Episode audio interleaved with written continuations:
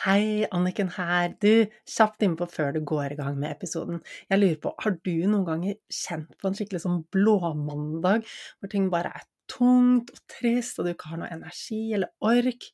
Har du kjent på at du ikke har det som skal til for å få gjort de tingene som står på listen din, at du utsetter, prokrastinerer, ødelegger for deg selv og bare ikke får gjort det som du egentlig vil gjøre?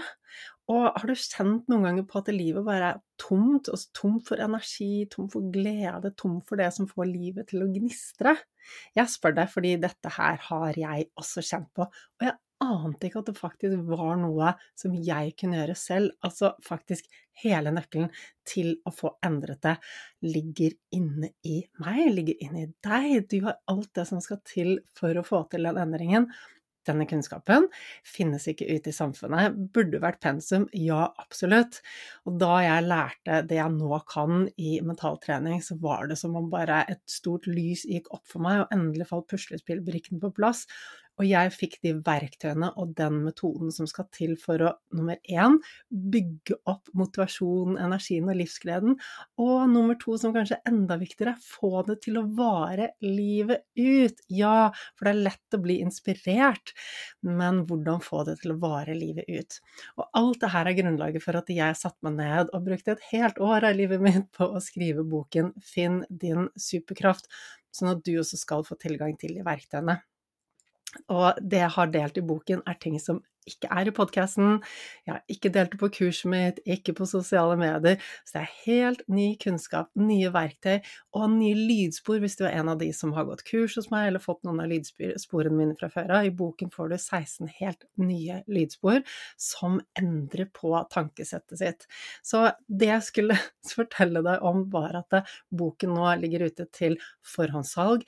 Frem til 1. mai så kan du bestille den på forhåndssalg, og da får du den sendt rett hjem til postkassen din med en gang den er på lager. Og det som er ekstra, ekstra fint med at du bestiller dem på forhåndssalget, og det lærte jeg først nå, siden jeg selvpubliserer og kunne jo ingenting om hva, altså hvordan publiserer man en bok, men nå har jeg skjønt at det, å få solgt mange bøker på forhåndssalget gjør at man lettere kommer inn på boklisten, og den er visst veldig magisk, for når man er der, så er det en stor hjelp. Det gjør at boken får spredd seg til enda flere, enda flere får hørt om det.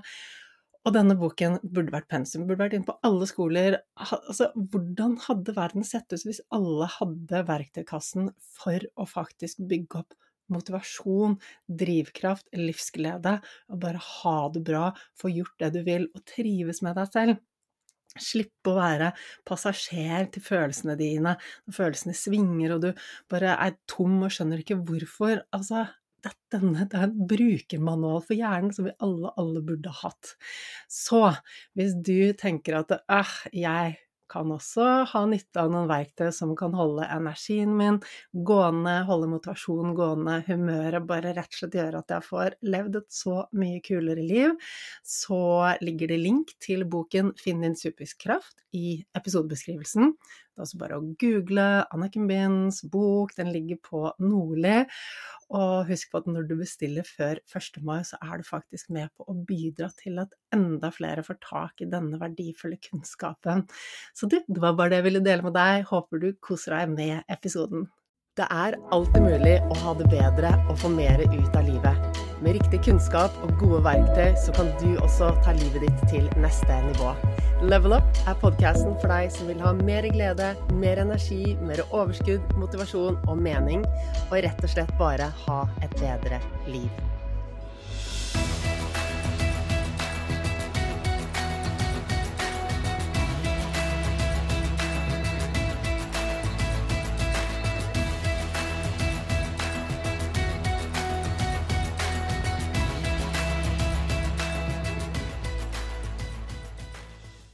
Hvordan er det med deg egentlig? Er det sånn at du føler at det, det er så mye i livet ditt, at det er så mange gjøremål, så mange ting du må huske, og at du egentlig bare ja, er i gang mesteparten av tiden med få pauser? Med få rom i hverdagen til bare deg, til det å ja, kose deg, eller hvile, eller være med familien, eller uh, gjøre det som du syns er hyggelig å gjøre? Altså, jeg spør fordi jeg er nysgjerrig. Jeg tror jo at jeg kjenner deg ganske godt etter hvert. Jeg vet at du er ambisiøs, jeg vet at du har lyst til å få mye ut av livet, jeg vet at du er nysgjerrig. Du har lyst til å nå langt, og så tror jeg også at du sitter fast i at det er mye i livet ditt. Det er mye. Det er overveldende. Det skjer mye. Det er mange ting å huske. To do-listen er lang, og eh, hamsterhjulet virker som et evig stort hjul som det ikke er lett å komme ut av. Det er ikke sikkert du føler at du sitter fast i hamsterhjulet, men kanskje du kjenner noen som er der, som trenger denne episoden. Og uansett hvor du er på den skalaen fra 'jeg er helt i ro', 'jeg har ikke noe stress i livet', 'har nesten ingen gjøremål', til den andre siden av skalaen hvor det er så mange gjøremål at du ikke klarer å henge med lenger. Et eller annet sted på den skalaen er du i dag. Eh, og eh, det vil kanskje endre seg i fremtiden. Uansett hvor du er på den skalaen, så er det jeg skal lære deg i dag, kjempeviktig. Det er viktig for at du forstår deg selv, det er viktig for at du forstår samfunnet vårt, det er viktig for at du forstår andre. Det er nødvendig kunnskap som vi trenger å ha med oss. Så hvorfor er det da at du så lett sitter fast i stress? Og mange gjøremål. Eller la meg heller fokusere på dette med gjøremål, fordi stress er jo et resultat av gjøremålene, eller kan være stress eh, et resultat av alle gjøremålene. Stress kan også være et resultat av veldig mye annet. Jeg snakker jo om det indre stresset, hvordan tankene og følelsene våre påvirker oss. Så det er klart at det er ulike grunner. Vi er ulike, og vi har ulik personlighet, vi har ulike oppvekst, vi har ulike liv, og det er jo veldig mange ulike faktorer som er med på å påvirke stress i livet vårt, og eh, hvorfor vi eventuelt sitter fast i en for lang to do-liste og for mange gjøremål, at vi sitter fast i det hamsterhjulet. Men likevel så er det tre hovedtendenser som er kjempeviktig å forstå, fordi hvis vi ikke forstår disse hovedtendensene, så klarer vi heller ikke å sette ned foten. Jeg er veldig opptatt av når jeg eh, underviser og når jeg jobber med kundene mine, at vi aldri skal tvinge oss til noe som ikke kjennes godt ut. Så vi kan ikke tvinge oss til å være i ro. Vi kan ikke tvinge oss bort fra stress. Vi er nødt til å jobbe med hva er årsaken som skaper stresset, istedenfor. Og så vil vi kunne få mer ro i livet vårt. Hva er eventuelt årsaken til at vi um, syns det er ubehagelig å være i ro? Det kan være mange årsaker til det. Så vi er nødt til å jobbe med det og ikke bare tvinge oss. Jeg skal si mer om det i en annen episode.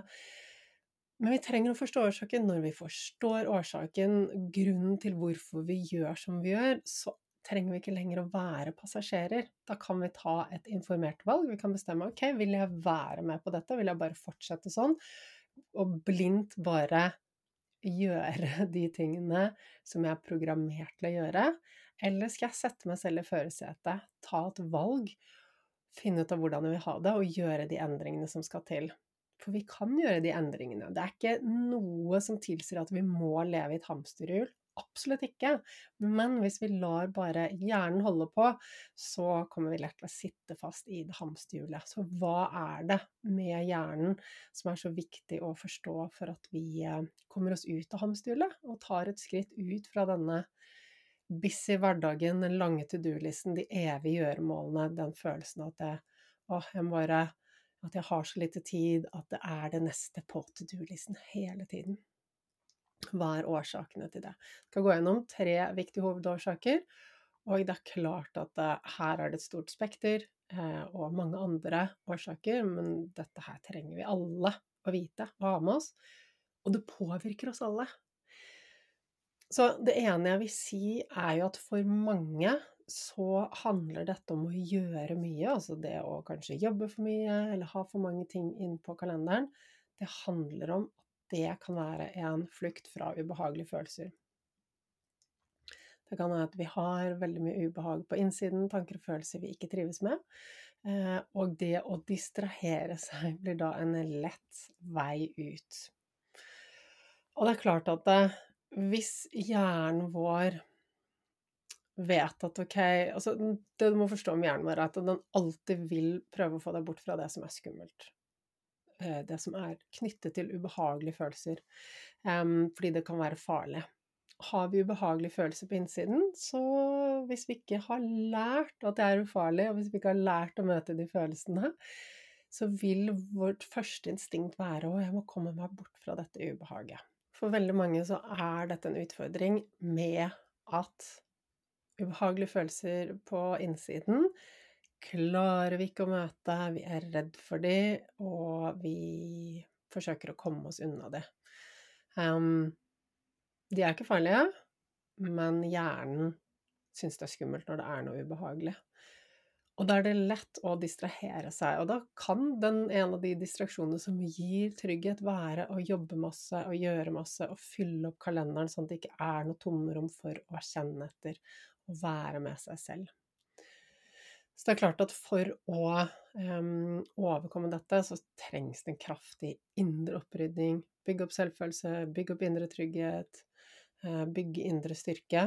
Uh, lære seg å møte det vi har på innsiden. Du må huske at det er ingen av følelsene vi har på innsiden som er farlige. De kan være ubehagelige, vi kan kjenne på skam, vi kan kjenne på frykt, det er kanskje ting vi bærer på, som vi har vært gjennom. Men de tankene, de vil bare øke styrken når vi ikke møter de. Så en strategi med å gjøre veldig mye for å komme bort fra det, det, mm, det er litt sånn strutseteknikk, ikke sant? Stikke hodet ned i sanden der jeg ikke kan se problemene, men de blir ikke borte. De vil faktisk bare øke styrke.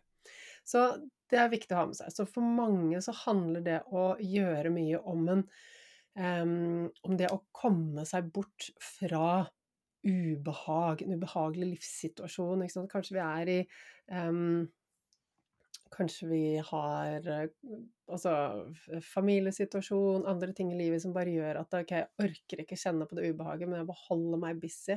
Og altså, jeg kan si at for mange år siden så fant jeg veldig stor trygghet i å ha kalenderen fullbooket.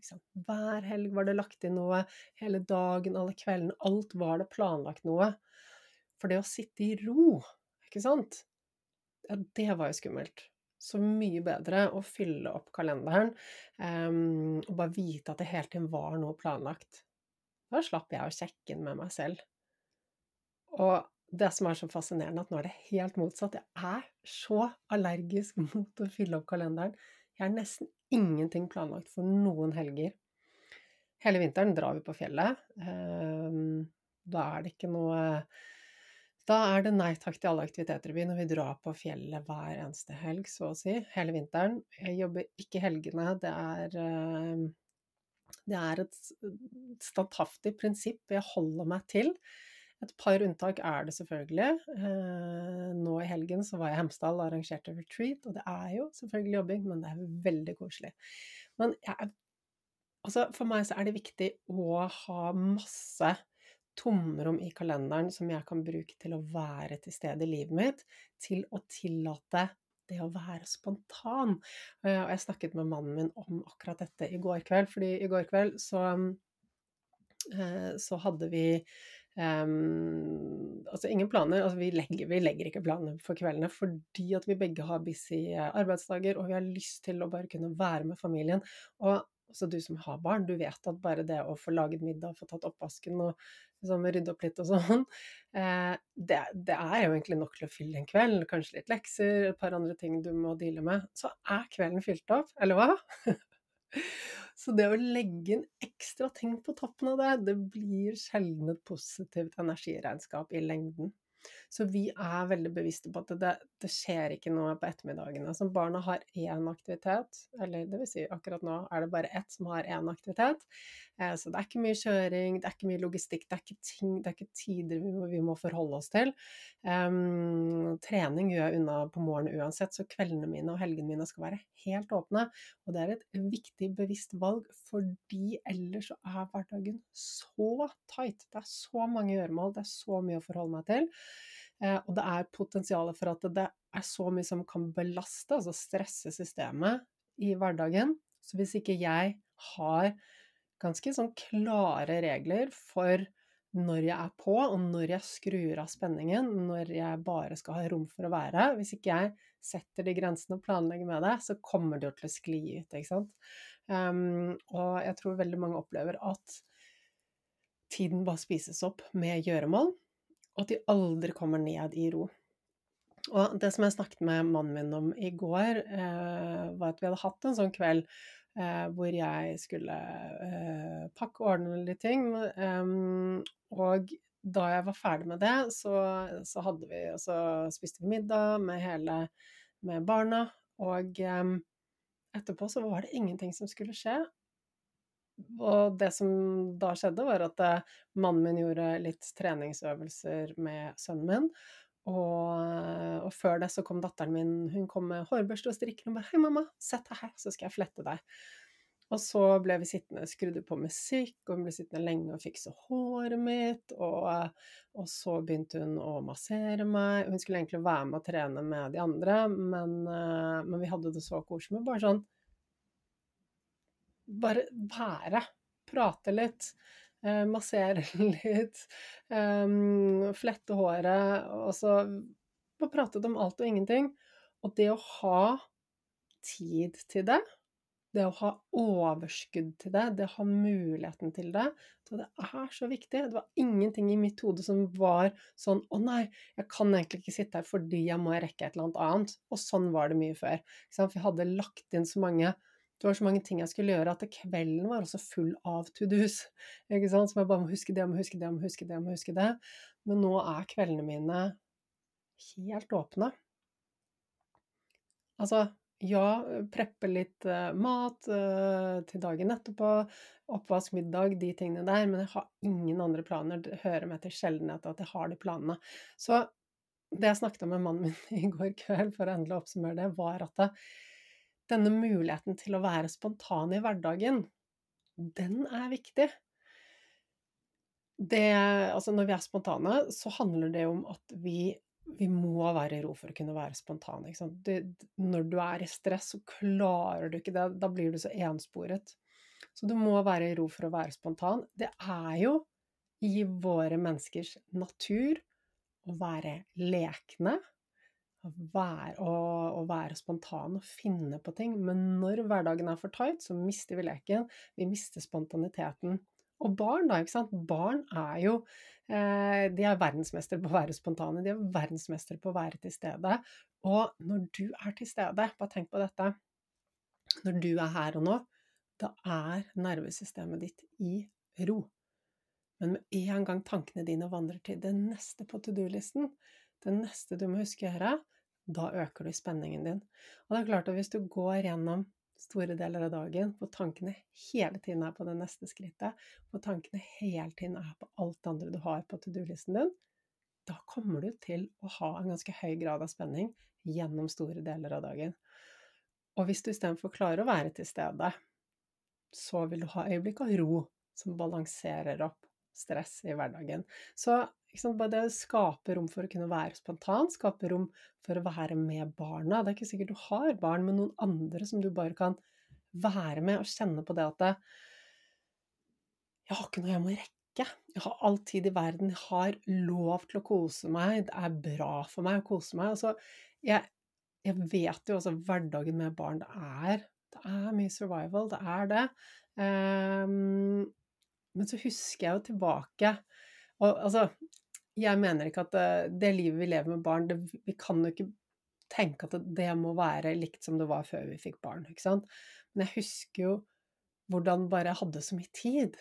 Å kunne lese bøker, ikke sant. Kunne ligge en hel dag og lese hvis det var det jeg ville. Men det er det jo sjelden rom til i kalenderen nå. Men jeg har virkelig bare begynt å skape det rommet. Og det er lett å tenke sånn Ja, men ok, Anniken, jeg, jeg skjønner at du syns det er fint å ha space og alt sånn men jeg har ikke tid, jeg har for mye å gjøre. Det er jobben som er krevende, det er barna, det er alle aktivitetene, det er, det er liksom så mange ting. Ja, og det er helt greit, ehm, men det vi må tenke på, er at vi klarer ikke å være påskrudd i lengden.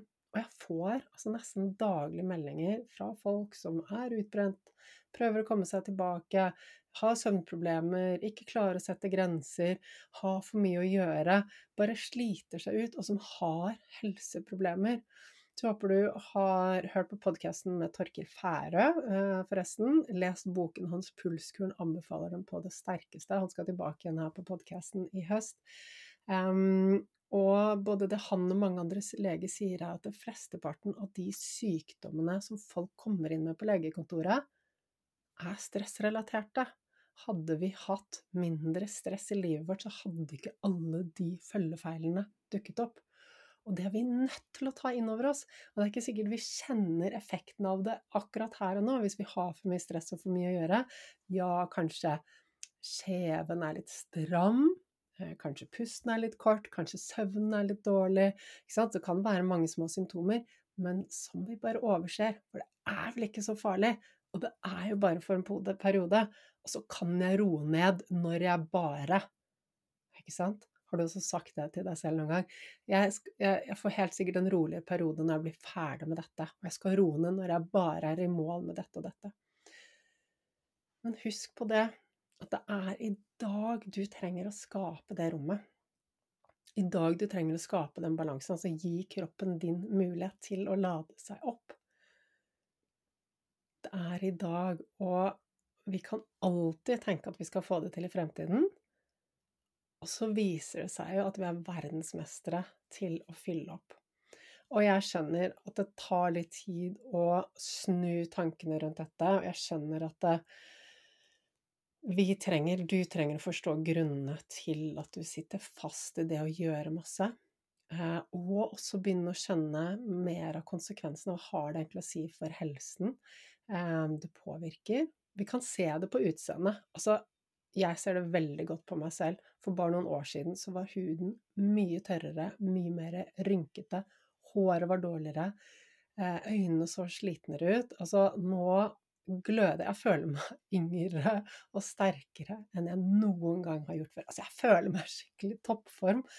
Og det er jo bare litt over en måned siden jeg opererte nakken, som er et ekstremt stort stor traume for kroppen og kjempestor belastning, men likevel så føler jeg meg i toppform. Og det er jo fordi jeg tar vare på meg selv, passer på at det ikke blir for stor belastning med stress, både fysisk sett og mentalt og emosjonelt sett. Og da er dette med å ha rom i hverdagen helt, helt, helt nødvendig. Det lover jeg deg at vi kan snakke mer om i en annen episode. Um, men ja, det er viktig for deg at du virkelig forstår at du kan ikke fortsette å være i høygir hele tiden, for det kommer til å Altså, den prislappen du kommer til å betale for det, blir veldig, veldig høy til stor. Høy, høy til slutt. Ok. Um, det er ikke sikkert du merker store problemer eh, og bivirkninger i dag, men om fem år, ti år Hvordan vil det være om ti år hvis du fortsetter i det høye tempoet, ikke sant? infeksjoner som kommer igjen, forkjølelser, eh, irritasjon, dårlig søvn, negativt tankesett, dårlig fordøyelse.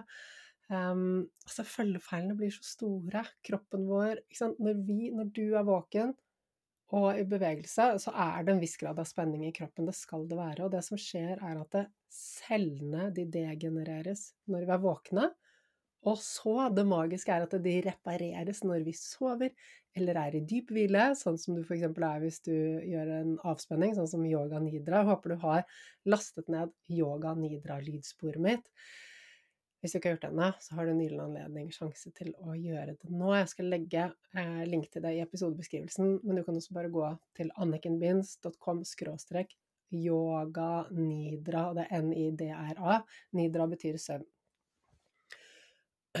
Og da vi var på drømmehelgen i, eh, i Hemsedal i helgen, det er en retreat som jeg holder årlig sammen med Trine Berge, så var det flere som Da holdt vi selvfølgelig avspenninger og yoga nidra, så var det flere som bare Å, ja, jeg bruker lydsporet, det er fast innslag.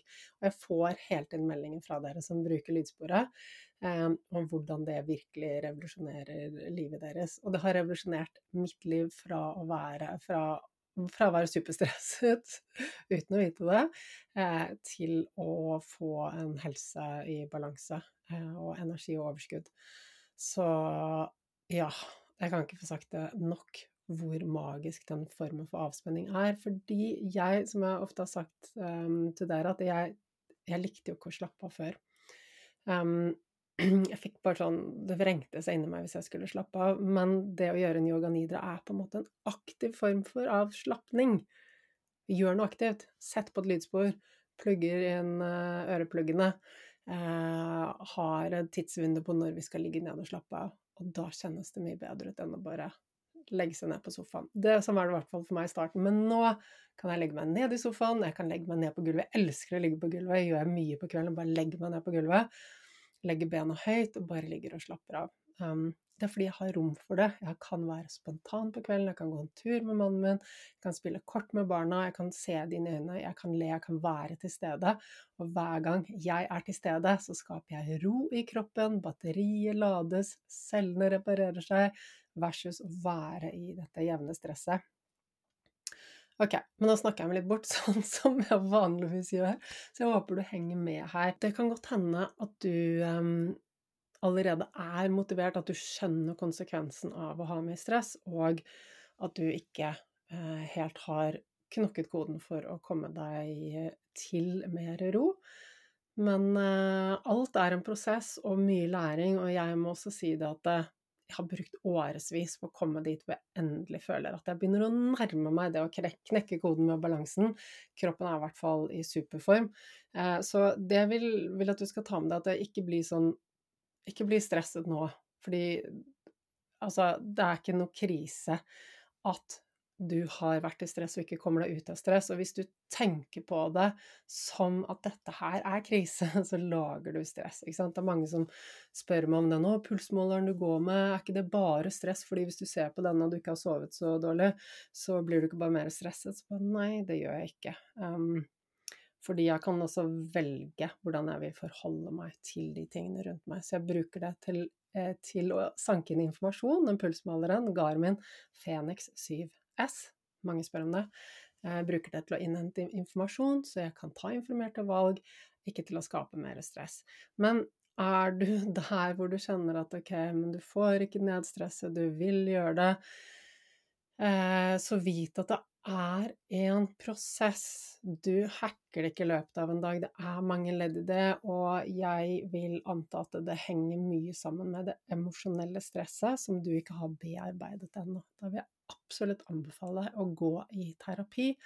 Um, bok, hos, en av de nydelige kollegaene mine uh, som jobber med de samme teknikkene som meg. Kjempefine, uh, og kan hjelpe deg med akkurat dette. Og dette sier jeg fordi jeg ser igjen og igjen at okay, folk gjør veldig mye med å rydde opp på utsiden, og liksom de er sykemeldte og, og hviler og hviler, man kommer seg ikke ut av stresset. Men vi hviler oss ikke ut av stress vi må okay, To ting her. Ene er å bearbeide det emosjonelle stresset som ligger lagret. fordi hvis vi ikke får bearbeidet gamle traumer og ting vi går og tenker på, eh, eller som vi prøver ikke å tenke på, så vil det fortsette å skape stress. Helt ubevisst. Så da, da kan vi gå rundt med masse stress i kroppen. Um, så, så, det er viktig at du får, uh, får ryddet opp i, uh, i, det gamle emosjonelle stresset, rett og slett. Uh, hvis du hvis du er der hvor du vil komme deg mer i ro, men ikke klarer det. En annen ting som også er viktig, som jeg har snakket litt om i de siste episodene, det er at vi trenger å utfordre nervesystemet. Fordi hvis ikke vi gjør ting som er skummelt, går utenfor komfortsonen, får opp pulsen, blir slitne, så blir nervesystemet vårt mindre og mindre robust. Så det er klart at vi trenger å hvile hvis vi har tappet kroppen for ressurser. Men vi hviler oss ikke ut av stress. Da må vi bearbeide det som er på innsiden, og vi må trene opp nervesystemet. Og alt i sin balanse, eh, ikke sant? Um, ting tar tid. Vi trenger å være tålmodige. ikke sant? Jeg opererte nå nakken for fem og en halv uke siden, uh, og jeg snakket med, med, kirurgen i går, og jeg tenkte at han skulle nå si ja, nå kan du begynne å gjøre alt, for jeg trodde at det var liksom etter seks uker så trodde jeg at jeg egentlig kunne begynne å gjøre det meste igjen. Um, men det stemmer ikke. Jeg må i hvert fall ta det med ro en måned til, og skal bare gradvis øke aktivitetsnivået. Så når kroppen har hatt en stor belastning og over lang tid, så tar det tid å bygge seg opp igjen. Jeg trenger å gi kroppen mye tid til å hvile og hente seg og reparere seg eh, igjen etter operasjonen. Og hvis du er der hvor du har gått med langvarig stress, og du er motivert for å komme ut av det, men du klarer det ikke, du kanskje er sykemeldt og alt sånt, så vit at det, er en prosess, det tar tid. Det handler om eh, hvile, ja, det trenger vi, men hvis du hviler og hviler og ikke blir bedre, så er det å få riktig hjelp én til én eh, bearbeide det emosjonelle stresset som ligger der, og begynne å øve opp nervesystemet ditt på å tåle mer. Hvis vi ikke går ut av døren og ikke, ikke, liksom ikke møter verden, eh, så, så, blir alt skummelt, og alt vil bli stressende for oss. Eh, så ja, dette har jeg snakket en del om før. Um, så ja, tilbake til den røde tråden min igjen. vi trenger å um, Vi trenger å være Eh, vi trenger å, å, motivere oss, eller skjønne konsekvensen av det å være i langvarig stress. Og nå tror jeg du kanskje har fått med deg nå. så når du har um, Når du forstår den konsekvensen, så vil det hjelpe deg til å bli litt mer motivert også til å ta et valg om å begynne å gjøre en endring.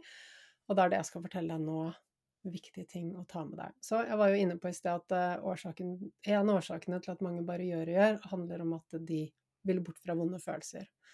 Har vi sjekket av det av listen? Her handler det om å bygge indre styrke. ikke sant? Rydde opp på innsiden.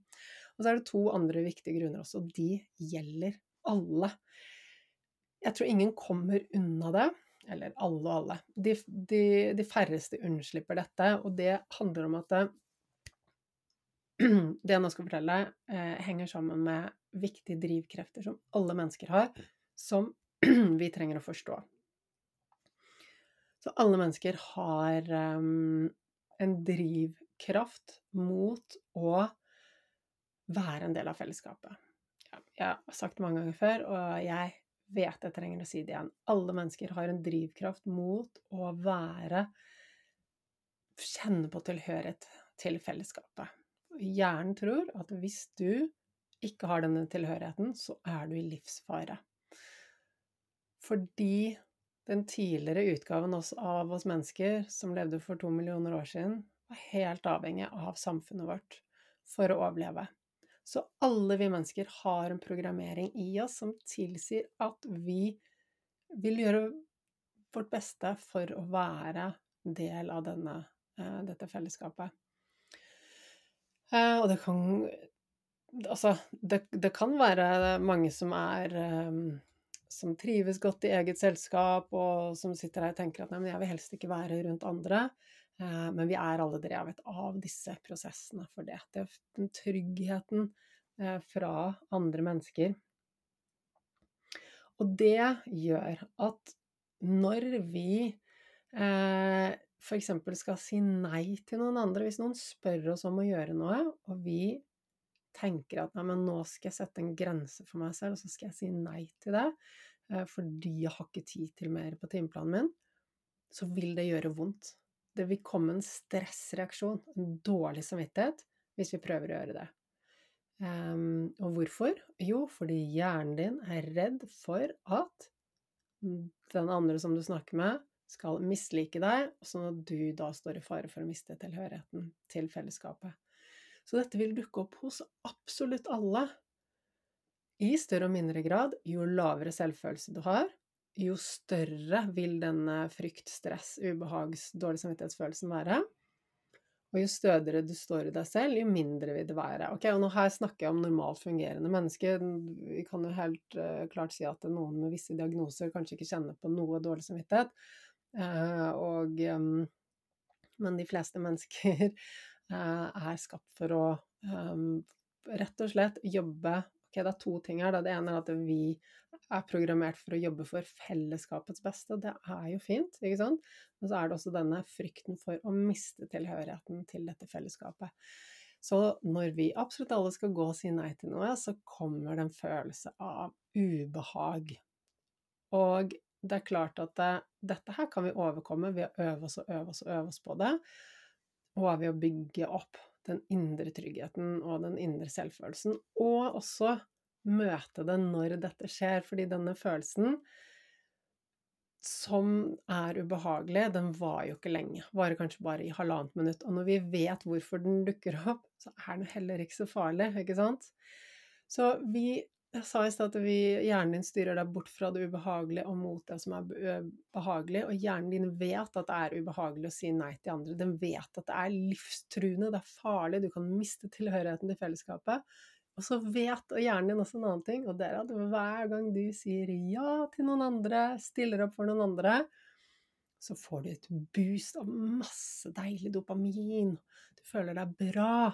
Det boostet varer jo ikke lenge, men det gir en sånn god følelse at ah, yes, nå, jeg, um, nå har jeg gjort noe riktig.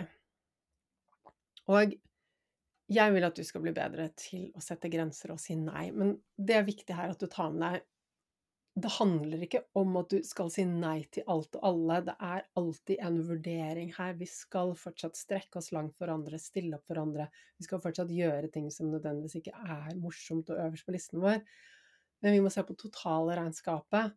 Når er det passende å si ja, og når er det passende å si nei? Hvis vi alltid sier ja, hvis vi alltid bare tar på oss ting, så funker det ikke. Um, Kanskje det hadde funket for noen millioner år siden, fordi da fantes ikke så mye informasjon, det fantes ikke så mange ting å gjøre. Eh, på kvelden så var vi mennesker tvunget til å hvile, for det var ikke noe lys inne. Vi hadde mye mer hviletid for noen millioner år siden. I våre dager så er det så mye som trigger oss inn i stress hver eneste dag. All den informasjonen som blir bare som blir kastet mot oss, eh, alle mulighetene, alle menneskene, det kunstige innelyset, det er ting som er med på å gjøre oss våkne og skru på stress gjennom hele dagen. Det trenger ikke være høyt stress, men den konstante spenningen som gjør at vi aldri kommer ned og får hvile og ro, det er den som ødelegger for oss. Så jeg tror at det, det, her er mye viktigere i dagens samfunn enn det det var for mange år siden. Fordi før så hadde vi mer enn naturlig ro. Vi hadde ikke telefon, vi hadde ikke e-post, det var ikke push-varsler. Um, det var mer enn naturlig ro før i tiden, og kanskje du var ute på åkeren og gjorde et stykke hardt fysisk arbeid. Men det er jo også meditativt, å være ute og bruke kroppen, ikke sant? Altså, jeg sitter ikke her og rosamaler fortiden, for jeg tror absolutt at vi er veldig heldige som lever i dagens samfunn. Men det jeg vil si, er at det, for å overleve i dagens samfunn, så er vi nødt til å trene vår evne til å prioritere og sette grenser, og si nei til det som gjør at vårt beger vil renne over. Og da er det viktig at du vet at dette gjelder alle mennesker, at du har en enorm trang inni deg til å please andre, til å få andre til å like deg. Fordi da tror hjernen at du er sikret tilhørighet. Eh, og du føler på ubehag når du sier nei og setter grenser. Det er den dårlige samvittigheten, det er den stressfølelsen. Det vil dukke opp hos alle i en eller annen grad. Eh, og i forbindelse med det, dette handler om lav selvfølelse, som de fleste av oss med stor fordel kan bygge opp. Um, og det gjør jo også uh, det at uh, når vi ikke føler oss verdifulle på innsiden, når vi ikke føler at vi er trygge på innsiden, så vil jo gjerne gjøre enda flere ting for at andre skal like oss, og da er det lett å henge seg på det at oi, det å prestere, det å få til masse bra, da får jeg positiv tilbakemelding. Uh, og Eh, da er jeg jo verdifull, da er jeg viktig. Da vil sikkert jeg ha en plass i samfunnet og være sikre tilhørigheten. Når vi har, når mange mål, får masse positiv feedback fra andre, da tenker jeg at men da vil jeg i hvert fall være trygg. Og det her er viktig at du tar med deg, fordi det er en av de største grunnene til at så mange sitter fast i stress og mange gjøremål og får dårlig helse, sliter med søvnen. Det er rett og slett for at de på et ubevisst plan tror at de må prestere, de må gjøre mer for å få positive tilbakemeldinger og si ja til andre for at andre skal like de. Ehm, for å være trygg, rett og slett. Det er rett og slett hjernen din sin måte å sørge for at du overlever på. Og når vi vet det, så kan vi også begynne å se mønstrene og begynne å skjønne at ok, det er ikke Det er ikke nødvendigvis sånn at jeg må eh, få gode karakterer på denne oppgaven, jeg må få til denne tingen som jeg har fortalt alle at jeg skal få til, eller jeg må prestere sånn og sånn på jobben. Det er ingen som kommer til å eh, like meg bedre hvis jeg er perfekt. Kan du ta det innover deg?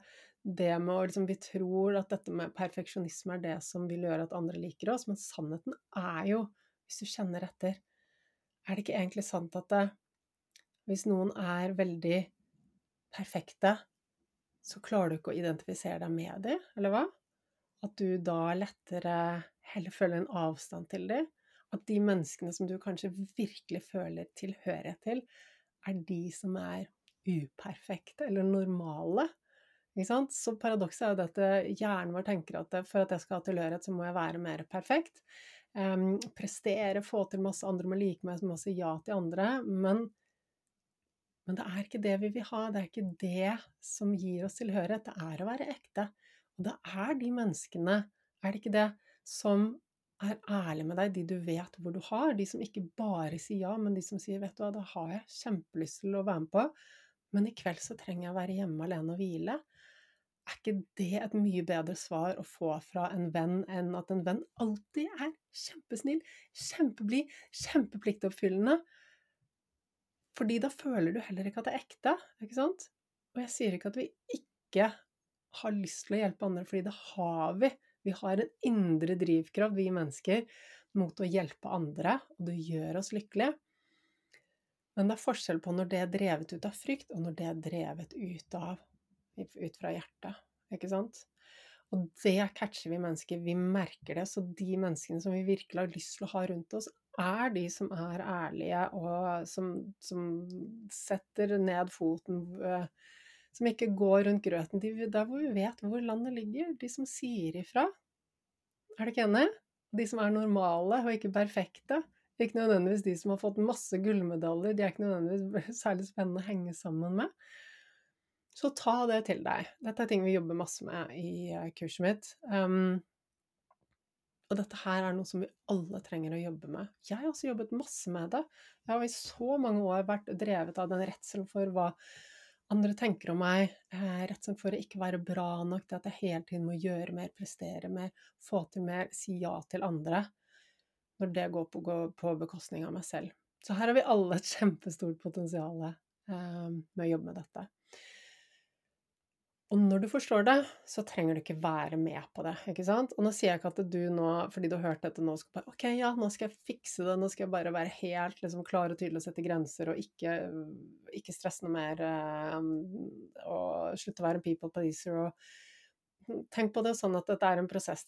Det, det vil ta tid å komme dit hvor du står stødigere i deg selv, eh, og det er en læringsprosess. Og på veien dit så kommer du til å havne i situasjoner hvor du kanskje bare sa ja selv om du mente å si nei, og hvor du rotet deg bort i prestasjoner og masse måloppnåelse fordi du trodde at det skulle gjøre deg lykkelig, og så innser du plutselig at å nei, nå er jeg gamle mønstre, og så får du kanskje til får du kanskje lyst til å kritisere deg selv og slå deg selv i hodet for det.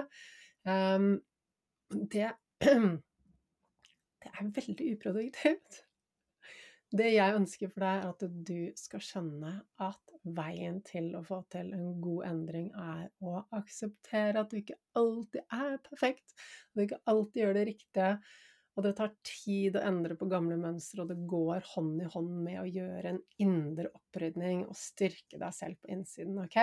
Så ikke lov å slå ned på deg selv, ikke lov å eh, kritisere deg selv. Altså, jeg, i dag så har jeg akkurat eh, si, jeg kanskje tapt 10 000 kroner på en flybillett som jeg skulle eh, Jeg skulle fly til Canada i dag, og så har jeg ikke klart å få med meg visumreglene.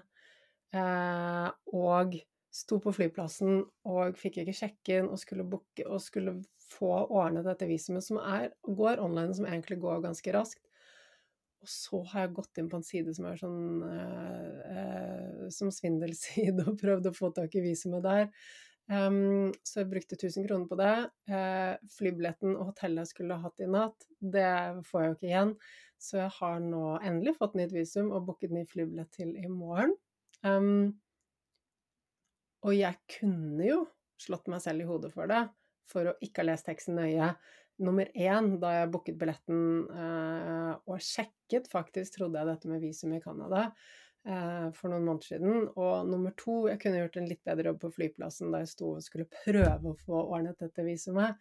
ETA, det, er jo, det tar egentlig bare Etter å ha fylt inn 1850 forskjellige ting, så tar det bare fem minutter før du får det. Og det koster bare syv canadiske dollar. så ja, da har jeg Jeg har tapt 10 000 kroner på at jeg har vært slurvete i dag. Eh, og den gamle versjonen av meg selv ville kjent på så mye stress, så mye ubehag. Jeg ville kritisert meg selv og bare åh, gått i kjelleren for tiden og pengene og det at jeg bare eh, ikke fulgte med i timen, rett og slett. To ganger så gikk jeg på en smell. Um, men det kunne ikke falle meg inn. Det er eh, Det kunne ikke falle meg inn å orke å bruke tid på det. Det er helt menneskelig å gjøre feil, og da har jeg lært masse. Neste gang jeg skal reise til Canada, så gjør jeg ikke dette igjen. Så det ga meg en ekstra dag hjemme. Jeg fikk spilt inn litt podkast-episoder, og så reiser jeg igjen i morgen. Jeg går ikke glipp av mye. Jeg tar til med mye læring. Og eh, Vet du hva, jeg koser meg. Jeg er like happy som da jeg dro hjemmefra i dag tidlig, som til nå som jeg sitter og spiller inn de episodene. Og det som jeg syns er fint, er at jeg får vært med familien min i kveld, fordi jeg har sett litt lite av i det siste. Så jeg har en dyp tro på at alt ordner seg, og det ikke er verdt å kaste bort tid på bagateller. Henges opp i det.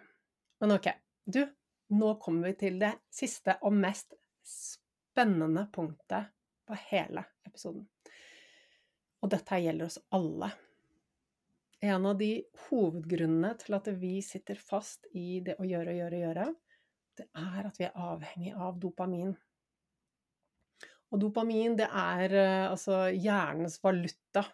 Hjernen, alt, det, alt handler om dopamin. Det er det som gir oss drivkraft, og det er det vi higer etter så har vi noen kilder til dopamin som er bærekraftige, og som, eh, som vil få oss til å føle oss bra. Og så har vi noen kilder til dopamin som er mindre bærekraftige. Det kan jeg si mer om i en uh, senere episode, fordi uh, um, dette er et stort tema. Jeg skriver mye om det i boken min som kommer ut til neste år.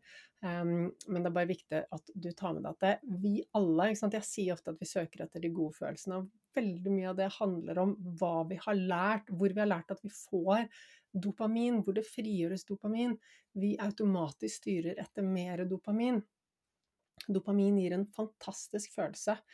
Det er denne forventningen om noe som ligger der frem i tid. Forventningen av å få det bedre, bli mer lykkelig, komme til et mål. Det er dopamin. Det gir en fantastisk følelse av energi og av drivkraft selvtillit, motivasjon. Det er så masse gode følelser involvert i det å kjenne på eh, dopamin. Og hver gang du setter deg et mål, hver gang du setter deg et mål eller du tenker på noe du vil i fremtiden, så frigjøres det dopamin. Så la det synke inn litt. Du drives mot det som gir deg gode følelser dopamin får deg til å tro at du vil få flere gode følelser når du bare når et mål, når du får gjort noe. Så det er ikke rart at du da ender opp med å styre mot det. Eh, og det gir jo også en helt klart en god følelse av dopamin når vi kommer i mål med noe. Det gjør det absolutt, men mesteparten av dopaminet frigjøres på veien mot målet. Og når du har nådd målet ditt, så er det ikke noe mer dopamin som frigjøres. Er ikke det litt synd? Jo, det er kjempesynd. Fordi dopamin er en god følelse. Um, og hvorfor er det ikke noe mer du, du, jobber mot noe, eller du får et eller annet, og det frigjøres dopamin, og så etterpå så er det veldig fort over. Hvorfor er det denne eh, følelsen hvorfor, hvorfor, går denne dopaminproduksjonen over når vi har kommet i mål med noe? Er jo ganske logisk, fordi hvis vi for et par millioner år siden, da ressursene var knappe, da det var lite mat og energi, det å bevare energien var viktig.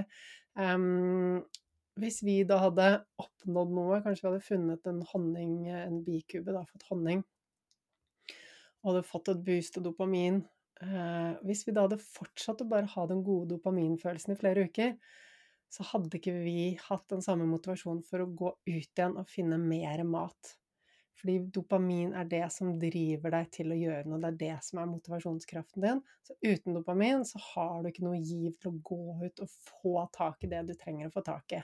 Så naturen er smart, det frigjøres dopamin for at vi skal få tak i noe. Når vi har fått tak i det, så er den gode følelsen over. Og hva betyr det for deg, da? Den mynten har kanskje begynt å lande hos deg nå. Det betyr at de gode følelsene har du når du jager mot noe, og så går det over når du får det. Og vi er jo Vi lures jo til å jage etter de gode følelsene, og spesielt hvis vi ikke har så mange gode følelser på innsiden, hvis ikke vi har det godt med oss selv, så er det jo veldig lett å eh, ende opp i en jakt på enda mer av den tilfredsstillende følelsen. Og jeg sier ikke at det er feil, jeg vil ikke at vi skal slutte å sette oss mål og jobbe mot de og ha masse kule prosjekter. Absolutt ikke. Men vi trenger å vite hva det egentlig gjør med oss når vi blindt bare løper etter dopamin hele tiden. Fordi det er en jakt vi aldri, aldri, aldri kan vinne. Dopamin vil aldri gjøre deg lykkelig. Det gir deg en drivkraft på vei mot et mål, men det gjør deg ikke lykkelig. Ok? Det som gjør deg lykkelig, helt andre ting. Det handler om tilstedeværelse, her og nå, helt andre hormoner oksytocin, serotonin Det er det om å være tilfreds, takknemlig, sosiale relasjoner Alt det gode her og nå.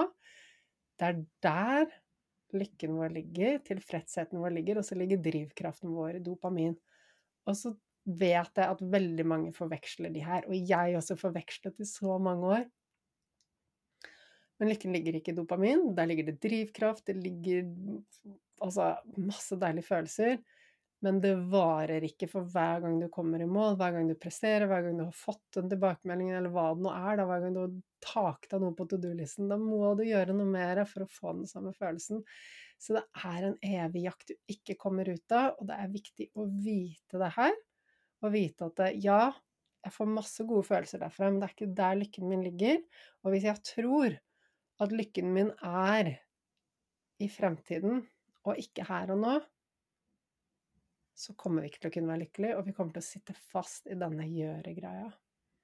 Det her er viktig at du vet, og jeg er den personen som har vært mest stuck i å gjøre og gjøre og gjøre, fordi jeg elsker den følelsen av å være høy, og det, det, det du må vite, er at dopamin omdannes til adrenalin.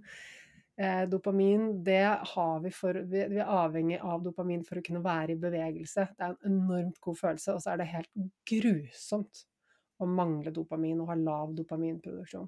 Helt grusomt. Eh, det er motivasjonen vår, det er drivkraften, det er så mye gode følelser, og jeg unner deg det. Jeg vil at du skal ha det. Veldig mye av det jeg gjør for mine kunder, er å hjelpe dem til å øke denne drivkraften. Men likevel, hvis vi tror at all lykken ligger i det her, så kommer vi til å jakte, jakte, jakte, og da brenner vi oss ut med for lange to do-lister og for mye å gjøre. Så jeg håper at det her eh, gjorde at mynten datt ned for deg, at du fikk noen øyenåpnere, at du kan se deg selv i litt nytt perspektiv, og, og begynne å Altså på en god og raus måte begynne å se deg selv med nye øyne, eh, og etter hvert gjøre endringer. Første steget er bevissthet, etter hvert begynner du å øve deg på å gjøre endringer. handler ikke om å være perfekt her. Vi blir alle blendet av dopaminet, vi blir alle blendet av den gode følelsen når vi sier ja til andre.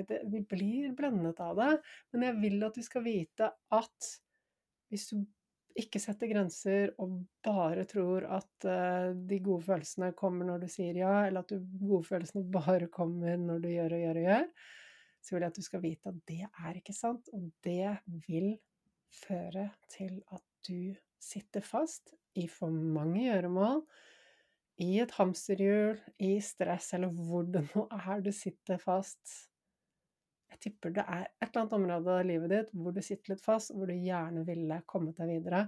Og så lenge du holder på med alle disse gjøremålene dine, så har du ikke overskudd og energien og kapasiteten til å begynne på de gode endringsprosessene. Det krever mental kapasitet, det krever overskudd.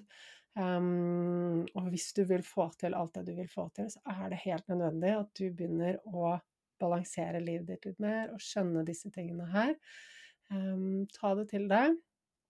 Så er jeg veldig spent på å høre tilbakemeldingen din. Send meg gjerne en melding på sosiale medier. Uh, fortell meg hva du har forstått, hva det har betydd for deg, hvilke endringer du har begynt å få til i livet ditt. Jeg syns at den kunnskapen her er så viktig. Jeg Altså, vi kan ikke bare sitte på den, du og jeg. Det er min mission her i livet å hjelpe flest mulig gjennom å dele kunnskap. Det er virkelig det jeg satser på. å Få kunnskapen ut. Fordi vi ser at vi lever jo i et samfunn nå hvor det er liksom normaltilstanden å være utbrent eller å ha vært det. Eh, det er liksom unormalt hvis man ikke har gått på den smellen. Og det er klart at det er flere aspekter av dette enn akkurat de tingene vi har snakket om i dag. Um, men hvis vi ikke skjønner at vi blir avhengig av dopamin, og hvis vi ikke skjønner at vi blir avhengig av eh, people pleasing, og at vi kan gjøre noe med det, at det ikke må være noe sånn, at det ikke må være sånn, så kommer vi ikke ut av dette hamsterhjulet. Og jeg tror ikke at du har et tilfredsstillende liv i hamsterhjulet. Um, det er det opp til deg å svare på, men jeg tror du har det best når du kan få litt rom i livet ditt. Litt rom til å leve, rom til å leke, rom til å være spontan. Overskudd, styrke, frihet, god helse. Og alt dette henger sammen med å kunne redusere gjøremålene litt, og leve mer. Så du, jeg er evig takknemlig for alle episodene du laster ned, og for at du abonnerer på podkasten, for det er virkelig det som hjelper oss til å få denne kunnskapen ut til enda, enda flere. Så tusen takk for det, og takk for alt engasjement. Så gleder jeg meg veldig til å se deg igjen neste uke, og da har jeg en kjempespennende episode med en gjest som jeg vet du kommer til å like. Så jeg gleder meg til å se deg igjen da.